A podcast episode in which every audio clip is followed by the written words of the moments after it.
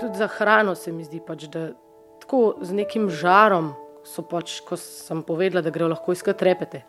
Res tako s takimi očmi, res lahko, tako kot neki nepredstavljivega, no, da grem lahko iskati še majčkan. Pa lahko greš še enkrat, da drugič, res grem lahko, lahko.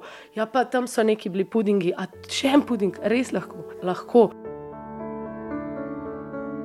In pa jaz sem videla en tretji dan, so si začeli malo stvari v sobo nositi. pa Nekako je bilo pravilo, da se hrane ne nosi v sobo, tako da sem pol gledala, da niso nosile kruha ali pa česa tazga, da ne bi bilo ravno mravelj.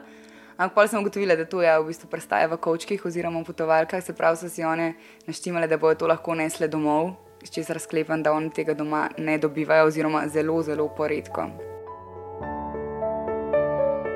Vse slišimo veliko, pa da so otroci lačni, pa da je revščina, ampak dokler tega ne vidiš, si ne moš predstavljati. Kakorkoli ljudje mislijo, da, da se zatiskajo oči, pri nas tega ni, ne vem, to, to se dogaja samo v Afriki. Sigurno je, pri nas imaš tudi uh, zelo hude pri, primere in tudi pri nas ljudje živijo, mislim, otroci uh, živijo v še zmer zelo slabih razmerah in nimajo za osnovne pač, življenjske potrebe pokriteno.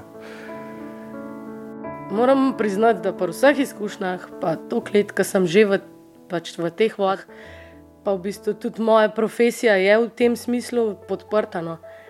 Pa sem rabila zdaj le kar po mojem, kakšen teden, da sem nekako razčistila svojo glavo. Nisem mogla spati.